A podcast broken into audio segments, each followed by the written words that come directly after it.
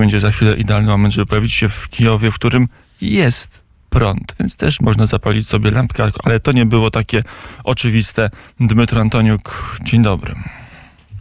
Dzień dobry Łukaszu, dzień dobry Państwu. Mm, to jak to jest z tym prądem na co dzień? Co rano jest pewne pytanie w redakcji Radia Wnet, czy, czy tym razem będzie prąd i znowu się uda połączyć, czy nastąpi ten dzień, kiedy, kiedy ta wojna zagości także od strony technicznej na antenie Radia Wnet i korespondencji z Kijowa nie będzie? E, myślę, że no, aż tak e, ciężko nie będzie. Nawet jeżeli nie, nie będę miał prądu w swoim mieszkaniu, to w, znajdę w jakimkolwiek innym. Także w, znów jest sytuacja w Kijowie taka, że nie cały Kijów jest e, w ciemności, a tylko niektórzy, niektóre jego części, niektóre jego dzielnicy. No i w ogóle ja mam w, szczęście, że na razie, na razie mam jeszcze wszystko i znów zapukam tutaj w, w, w swój drewniany stolik mam taki zabobon, jak u nas to mówi się i także pracujemy, działamy. Mm, no i jestem do usług państwa.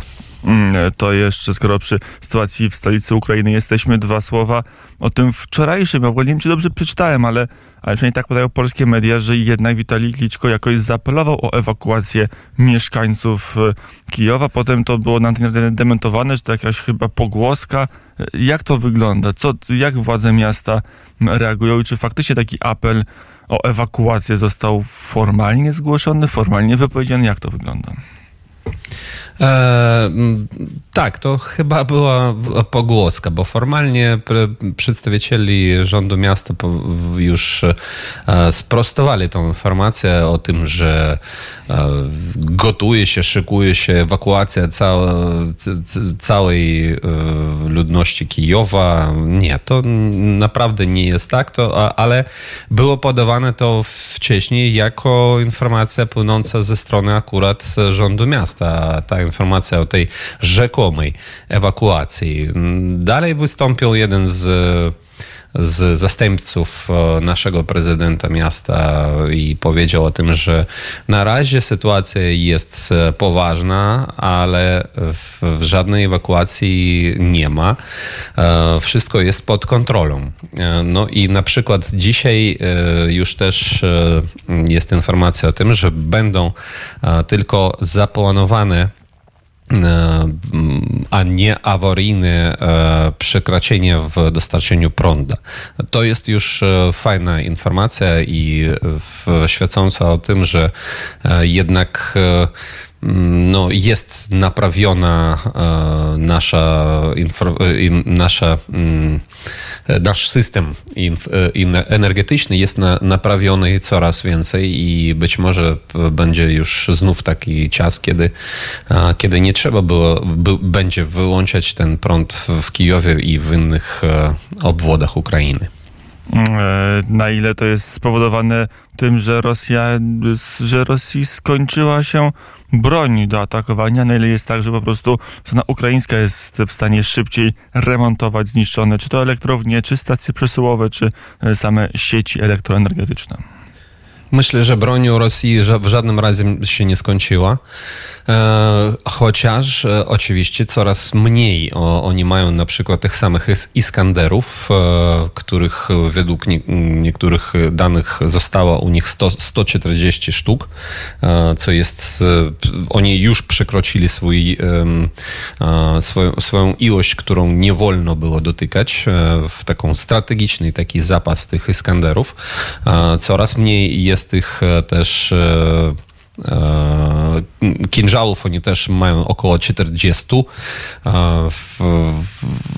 Tak, oni mają mniej tej e, broni, ale ona wciąż jest. Ale myślę, że to spowodowane też jest e, tym, że Ukraina coraz więcej dostaje broni przeciwrakietowej z Zachodu i dziękujemy za to też naszym partnerom i Polsce przede wszystkim. I też spowodowano tym, że nasze mm, energetycy, oni działają naprawdę bardzo efektywnie i bardzo, bardzo e, szybko. Mm, i naprawiają sieci, więc być może ten, ta, ta zima nie będzie aż tak tragiczna, chociaż no, słyszy się te pogłoski z Kijowa, że jak ktoś do, wraca do stolicy Ukrainy po po paru tygodniach czy miesiącach to jest zdziwiony, że w domu jest zimno, w mieszkaniach jest zimno, jak jest z ogrzewaniem, chociaż, chociażby jak jest z ciepłą wodą. E, no, jeżeli jest prąd, to jest jego ogrzewanie i jest ciepła woda. E, także w, w moim mieszkaniu jest e, absolutnie wszystko ok. I wiem, że w mieszkaniach moich bliskich też w Kijowie, moich przyjacieli też jest, nie jest sytuacja tragiczna. Także da się mieszkać w Kijowie na razie. I jest informacja też, że ta zima wobec globalnego ucieplenia też będzie znów e, nie taka e, surowa, jak to musi być w Ukrainie geograficznie. Mm, e, to jeszcze, panie redaktorze, od tych sytuacji bytowych do sytuacji wojskowych mm, przejdźmy. Informacje te się pojawiają, pokazują, że z jednej strony stron, front się specjalnie nie porusza, ale, ale że wojska rosyjskie próbując kontruderzeń ponoszą spore straty. Mm, jak to jest komentowane w Kijowie? No tak, u nas e, jest na razie oficjalne informacje o tym, że my e, zawdajemy dużo, dużo strat wrogowi, jest tylko w tych doniesieniach o ilości zabitych żołnierzy wroga. I codziennie my widzimy w tych liczbach, na przykład wczoraj było ponad 500 takich zabitych.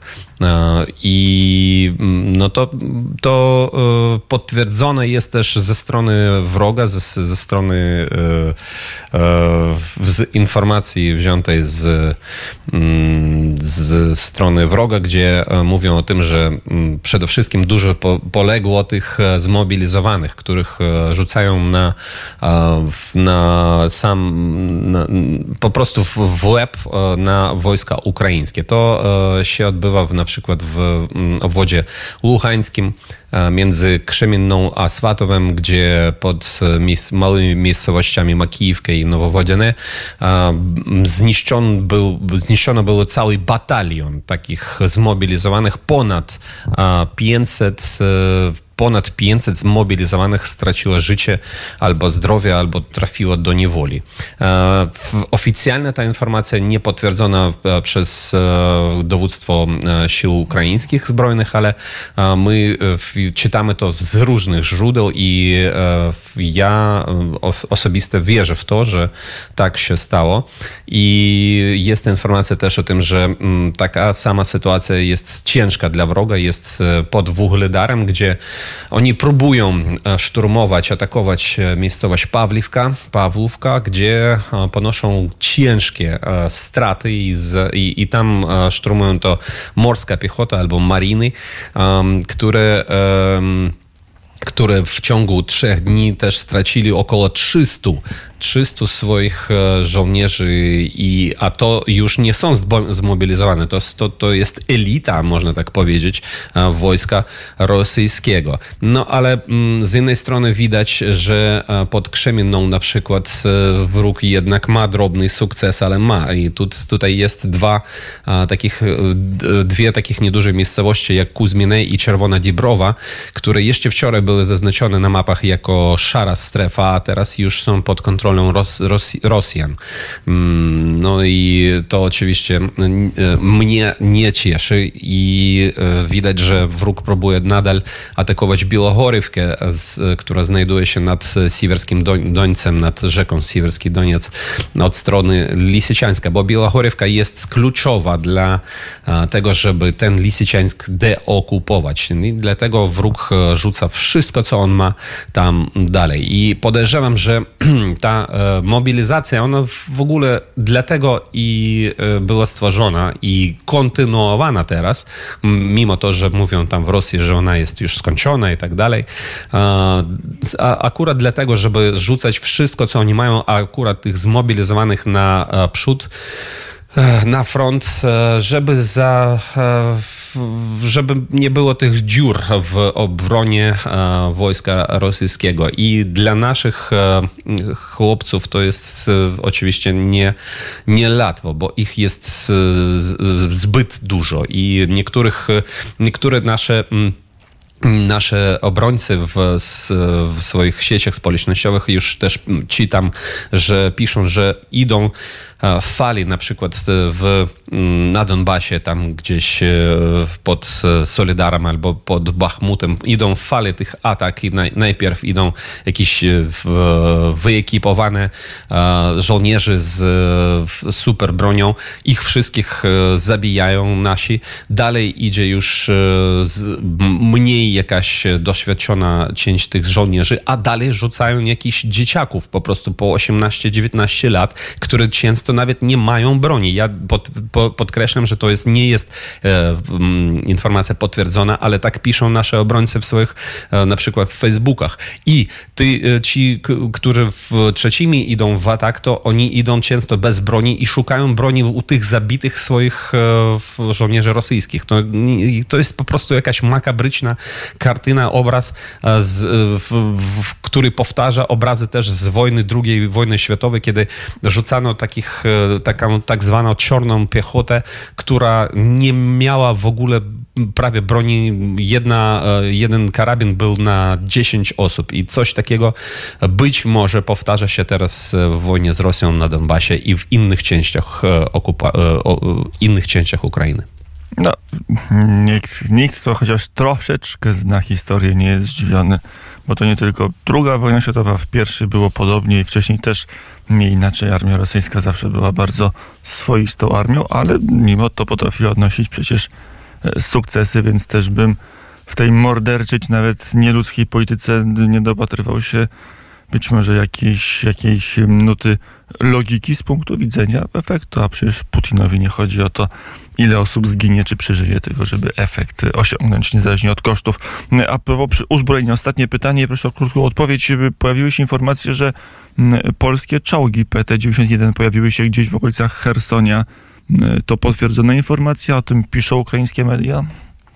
Na razie nie, nie na razie nie widzę, nie widzę tej informacji, także nie mogę tego potwierdzić. Mm, I tutaj to była naprawdę krótka odpowiedź. Dmytro Antoniuk Prostowski, Jowa, dziękuję bardzo za rozmowę i do usłyszenia. Dziękuję wzajemnie, miłego dnia.